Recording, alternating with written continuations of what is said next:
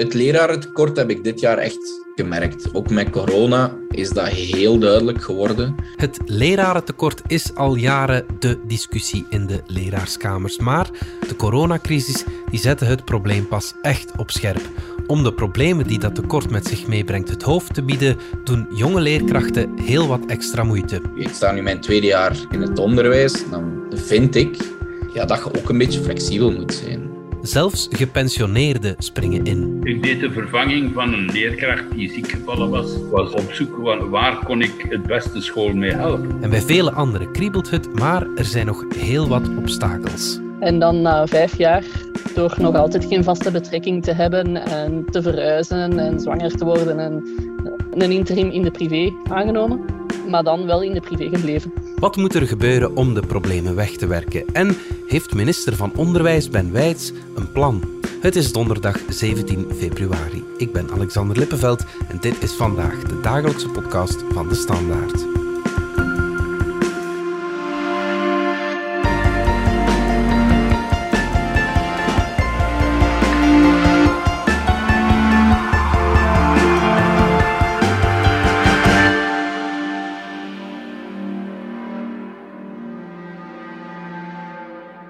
Hebben vanaf vandaag trouwens een gloednieuwe podcastreeks Letteren. Chef Letteren, Guinevere Klaes, die ontvangt een bekende lezer die een van de genomineerden van de Boon Literatuurprijs bespreekt. Zeker luisteren in onze app DS Podcast of op eender welk ander podcastplatform.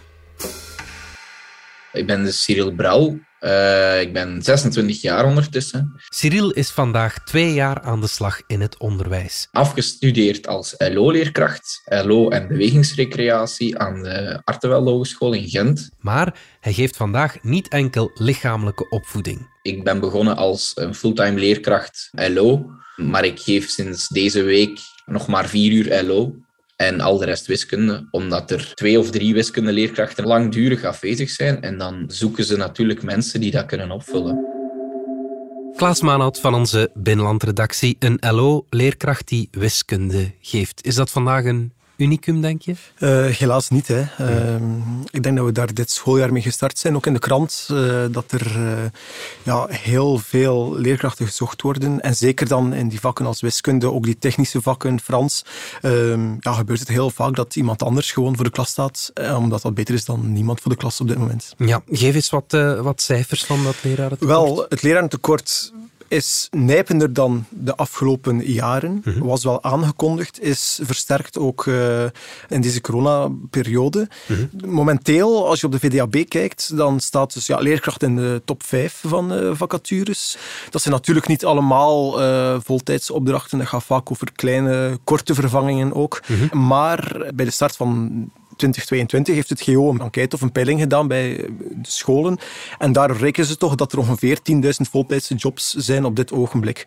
Die zijn verspreid natuurlijk. Niet overal is er een even acuut probleem. Maar dat duidt wel dat er echt wel een leraartekort is op dit moment. Ja, absoluut. En is het dan vooral in de grote steden waar dat probleem zich uh, Ja, ik denk uh, als we de cijfers bekijken dat zeker in Antwerpen en vooral ook Brussel het probleem toch wel het grootst is.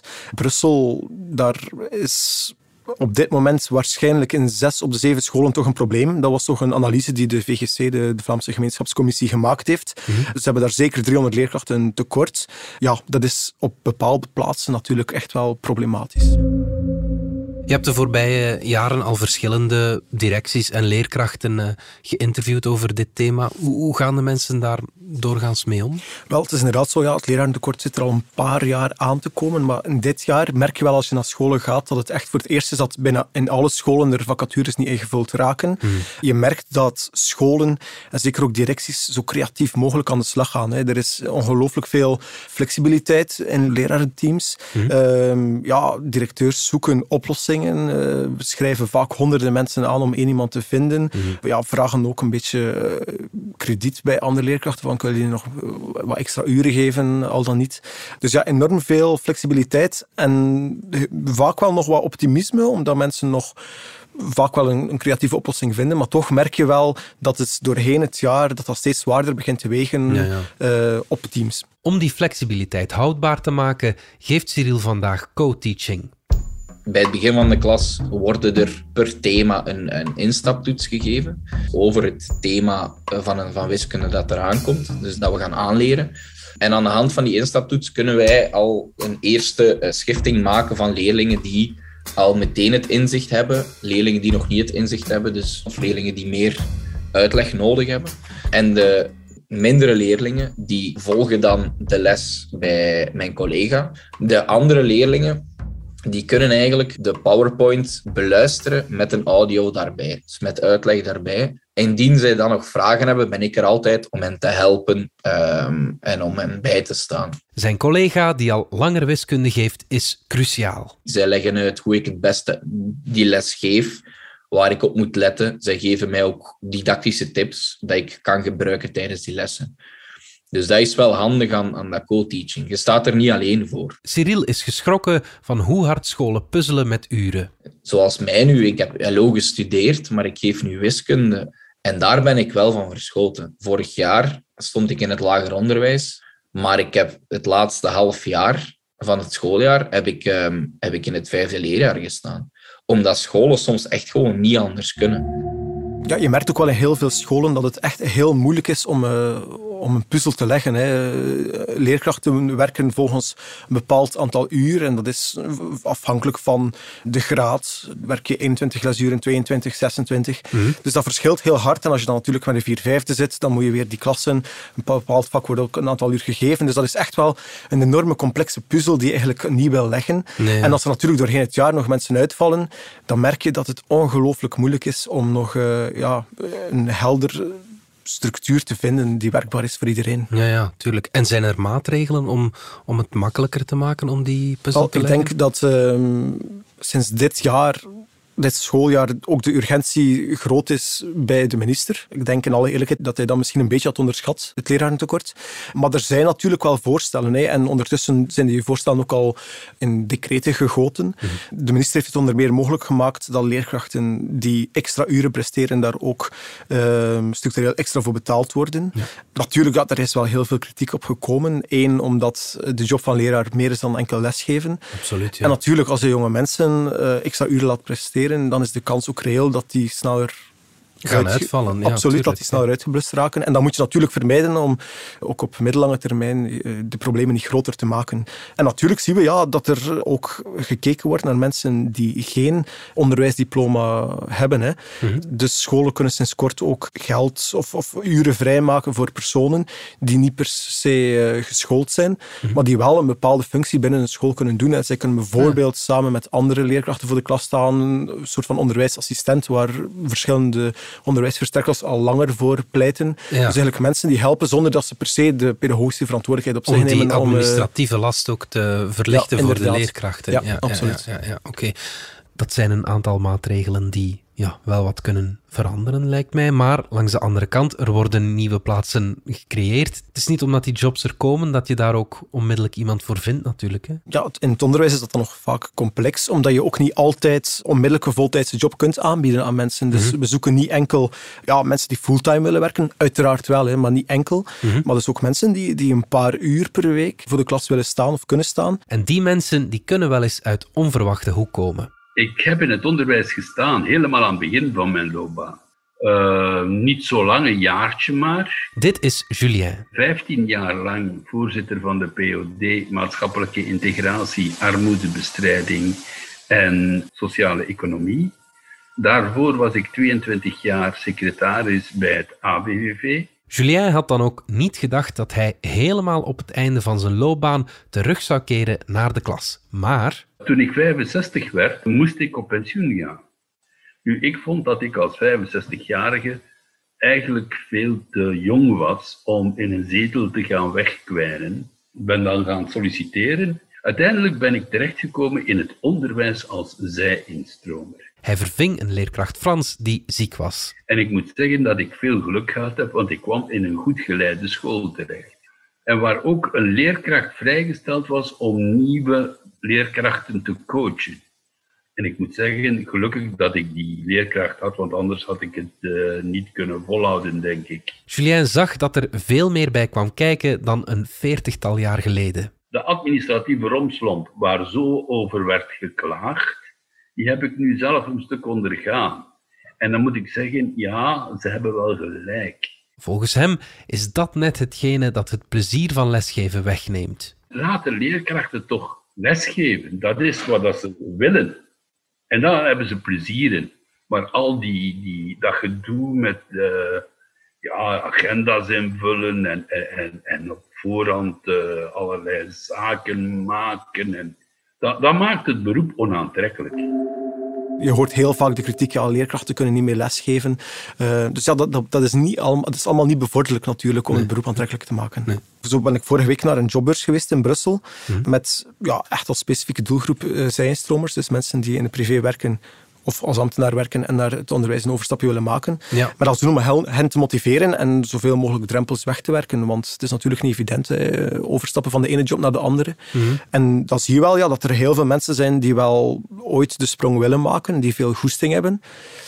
Maar dat voor vandaag precies nog niet doen. Het is natuurlijk niet erg verwonderlijk dat die stap zo groot blijft. Het onderwijs komt heel vaak, wat betreft werkomstandigheden, toch niet al te goed in het nieuws dat lerarentekort, leerplannen die allemaal worden uh, uh, bijgeschaafd, uh, eh, IT-vernieuwingen, van die dingen. Dat maakt het allemaal niet heel erg makkelijk en ook niet aantrekkelijk om, uh, om over te stappen. Hè? Nee, inderdaad. En dat is denk ik wel een oud zeer. Hè. ik denk dat we de laatste twintig jaar al op zoek zijn naar oplossingen om het beroep aantrekkelijker te maken. Ja. En inderdaad, door de vele berichtgeving, en dat is dan natuurlijk een soort van zelfreflectie als krant, maar ook bepaalde beslissingen die genomen worden, is het inderdaad, of lijkt het vaak niet makkelijk om die overstap te maken of aantrekkelijk om leerkracht te worden. Je wil natuurlijk niet enkel zij-instromers, je wil ook mensen die resoluut kiezen voor het onderwijs op hun 18 en een lerarenopleiding gaan volgen. Ligt daar ook een, eh, een probleem? Ja, ik denk, we moeten er redelijk over zijn. Ik denk van wel. Hè. Ja. Ik denk dat er ook momenteel aan alle lerarenopleiding wel gedacht wordt van hoe moeten we onszelf opnieuw op de kaart zetten. Mm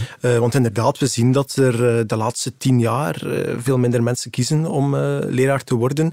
En zij die er al voor kiezen, die, die, die stromen vaak ook niet door naar het onderwijs. Die, hmm. beslissen om alsnog een master in iets anders te halen, um, om voor een andere job te kiezen. Dus dat, dat is natuurlijk wel een probleem. Hè. Hmm. Je merkt ook in uh, het rapport van de commissie Brinkman, dus de commissie die zich uh, heeft nagedacht over beter onderwijs, dat die lerarenopleiding daar heel vaak genoemd wordt. Ja. Ook vanuit de onderwijskoepels wordt er vaak gewezen naar de lerarenopleiding. En dat is natuurlijk wel, ja, daar, dat, dat ligt al de basis. Hè. Ondanks het feit dat je waar je ook afstudeert altijd moet groeien in een job, mm wordt daar wel natuurlijk de fundamenten van uh, het leraar zijn uh, gelegd. En wat zijn dan de grote problemen van die wel, Ik denk, wat, wat er vaak gezegd wordt, is dat, dat de leraaropleiding niet de ideale voorbereiding is op de job. Dat er nog vaak een grote shock is tussen wat je in de opleiding ziet en de realiteit. Een oplossing zou daar kunnen zijn dat je bijvoorbeeld langere stages doet, uh, et cetera. Mm -hmm. zelf kaarten dan weer aan dat ook hun instroom veranderd is. Dat er pakweg 30 jaar geleden vooral eh, ASO-leerlingen zich inschreven. Nu zien ze dat dat ook een beetje verandert naar uh, TSO-BSO-opleidingen. Dat dat ook moeilijker is om die leerlingen in die korte periode van toch drie jaar mhm. op een heel hoog niveau te brengen. Bijvoorbeeld qua lezen, qua Frans. Mhm. Ehm, dus um, ja, ik denk dat die, die check met de realiteit, dat dat de grootste uitdaging zal zijn. Maar eens eraan begonnen, houden veel leerkrachten het niet lang vol. Vier op de tien beginnende leerkrachten stoppen al na enkele jaren in het onderwijs. Zo ging het ook voor Karen. Ik ben 38 eh, jaar en ik ben mama van twee kindjes. Nochtans droomde ze altijd al van een job als leerkracht. Zelfs als klein kind, dan speelde ik zo school na met mijn knuffeltjes en zo. En dan leerde ik die wat ik zelf op school had geleerd. Ze ging wiskunde studeren met het doel om voor de klas te staan. Ik heb nooit last gehad om een job te vinden, omdat wiskunde, allee, wiskundigen op zich waren wel tekort in het onderwijs. Maar het was altijd wel een tijdelijke job. Het was nooit ergens waar dat ik kon blijven. Het was een, een zwangerschap hier, een operatie daar. Uh, iemand die dat besluit van directrice te worden in een andere school. En dan na twee jaar toch haar uren terug opeist. En ja, daarmee dat, uh, dat dat wel moeilijk is om als startende leerkracht effectief voor te doen. En als je niet direct binnen de eerste vijf jaar een vaste betrekking kunt vasthalen, dan zinkt de moedje een beetje in de schoenen. Ze overwoog om niet in het onderwijs te blijven. Ik voelde een beetje alsof ik gefaald had. Alsof dat, ja, dat, dat het leven mij gefaald had. Verhuisde dan ook naar 50 kilometer verder. Dus ik ging dan sowieso niet in dezelfde scholengroep kunnen verder gaan. Dus ging ik voor mijn uren ook helemaal van nul moeten herbeginnen. wat dat dan voor uw TADD en uw benoemingen invloed had. En daarmee dat ik dan op dat moment zoiets had van, weet je, we willen toch aan kinderen beginnen, laat ik gewoon een interim in de privé doen, tot wanneer dat de kinderen geboren zijn, en dan zie ik wel. Dus, maar dan wel in de privé gebleven. Ja, Klaas, het is wel absurd dat een leerkracht wiskunde uiteindelijk is gestopt door jobonzekerheid, want als ik het goed heb, dan zijn er daar toch wel echt heel wat te weinig van. Hè? Ja, inderdaad. Ja, dat is, dat is een hele complexe materie. Hè. Mhm. Scholen moeten een bepaalde puzzel leggen. Ze krijgen een bepaald aantal uren vakant. Uh, die worden dan door vaste benoeming ingevuld. Daar wordt heel vaak mee geschoven. Ik denk dat heel weinig beginnende leerkrachten daar eigenlijk zicht op hebben hoe dat precies in elkaar zit binnen hun mhm. school of schoolgemeenschap. Ik denk dat dat ook voor directeurs een zeer moeilijke puzzel is. Maar inderdaad, die jobonzekerheid, dat is iets wat je heel vaak hoort terugkomen bij jonge leerkrachten. Hè. Mhm. Ehm, en dat hoor je dan ook bij zowel het uh, gemeenschapsonderwijs als het stedelijk onderwijs. Ja, in welke job starten mensen vandaag nog waarbij je niet weet van wat zal ik binnen drie maanden doen? Word ik van interim naar interim gestuurd? Uh, kan ik hier vast blijven? Wat na de zomervakantie? Dat zijn natuurlijk eh, vragen die ja, een fundamenteel probleem blootleggen. Hè, want uh, die jobzekerheid is, is, voor heel veel mensen belangrijk. Je wil uiteindelijk toch huur betalen, een auto afbetalen of kopen. Ja, um, dus ja, nee, dat is inderdaad een van de grote problemen die, die weggewerkt moeten worden. Ja. En, en heeft minister Ben Wijts daar een plan voor klaar Wel, voor een deeltje wel. ik denk dat hij op dit ogenblik of vorig jaar heel zag in eh, de vaste benoeming behouden en ook aanpassen. Die vaste benoeming is eigenlijk een soort van contract van onbepaalde duur. Alleen heb je daarbij veel meer garanties dat je binnen een school kan blijven werken, ook als je eventjes buiten het onderwijs eh, iets wil proberen, et cetera. Mhm. Nu, hij hoopt zo uh, dat hij beginnende leerkrachten sneller werkzekerheid kan geven. Vroeger moest je een uh, aantal, ja, ik denk twee jaar, eh, binnen een schoolgemeenschap actief zijn je een TADD, zoals het dan heet, krijgt en dan daarna de kans krijgt op een vaste benoeming. Dat is een soort tijdelijke benoeming. Ja, een tijdelijke, TADD, ja, absoluut. Ja. En uh, ja, dat is nu allemaal versneld. De, de, de, vraag is wel van, ja, zal dit nu ook tot meer werkzekerheid leiden? Dat is mij nog niet heel duidelijk. Naar mijn gevoel is het een beetje een dubbeltje op zijn kant, omdat je natuurlijk ook wel heel wat druk legt bij jonge leerkrachten. Hè. Als je na één jaar al een soort van vaste benoeming kan krijgen, ja, dan moet dat eerste jaar wel goed zijn. Want welke school zal na één jaar zeggen van kijk, ja, we geven jou al dan niet een vaste benoeming.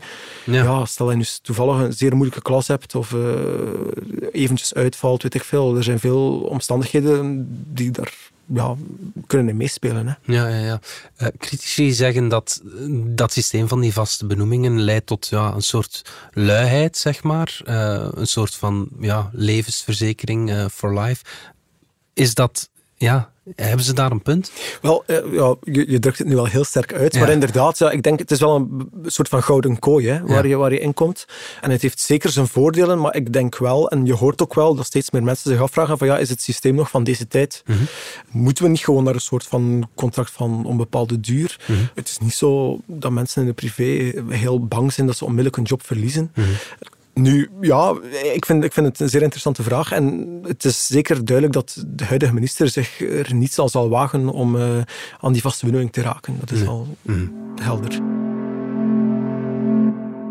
Jobonzekerheid of niet, na tien jaar in de privé begon het bij Karen terug te kriebelen. Na die tien jaar had ik het wel gezien. Ik kon geen kans meer uit met het diploma dat ik had en, en, en de ambities die ik heb was er niet echt de mogelijkheid voor mij om door te groeien in de privé. Dus daarmee dat ik toch begon uit te kijken naar andere dingen. En een job als wiskundeleerkracht vinden, ja, dat was een eitje. En dan is de lockdown gekomen, de eerste lockdown. En dan moest ik mijn kinderen zelf thuis lesgeven. En dan heb ik beseft hoeveel dat ik het lesgeven miste.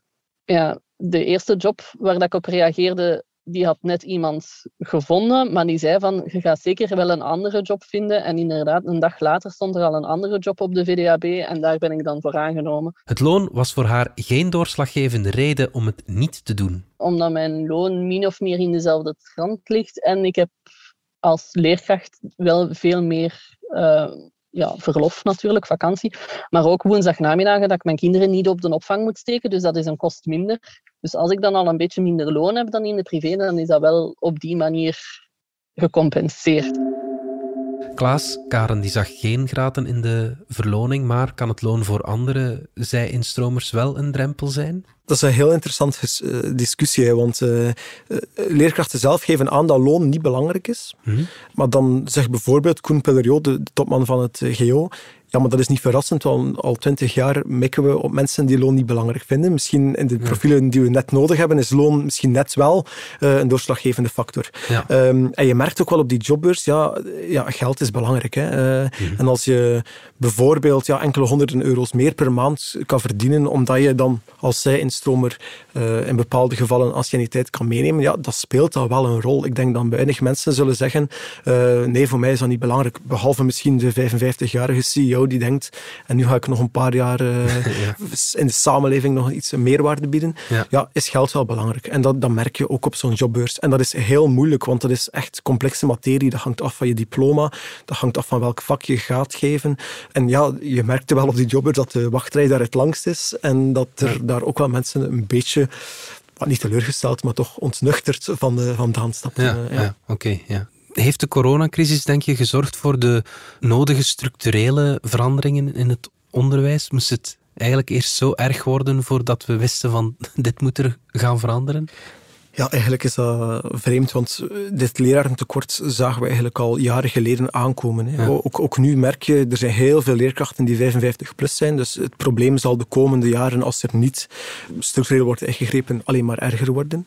Dus ja, het is wel zo dat de coronacrisis de situatie voor het eerst echt op scherp heeft gezet, dat er mhm. in zoveel scholen echt bij het begin van het schooljaar al gaten waren. Mhm. Ja, de vraag is dus, ja, de oplossingen die voorlopig op tafel liggen, ja, die zullen wel iets veranderen, maar alle onderwijspartners zeggen van kijk, dit gaat niet ver genoeg. Mhm. Dit zal het probleem niet oplossen. Dus eh, ja, ik denk dat het probleem duidelijk is. Uh, iedereen beseft hoe urgent het uh, lerarentekort is en dat dat het topic is van dit schooljaar en de komende schooljaren. En dat mhm. het ook een van de primaire bezorgdheden van de ministers, huidige en toekomstige ministers, moet zijn. Mhm.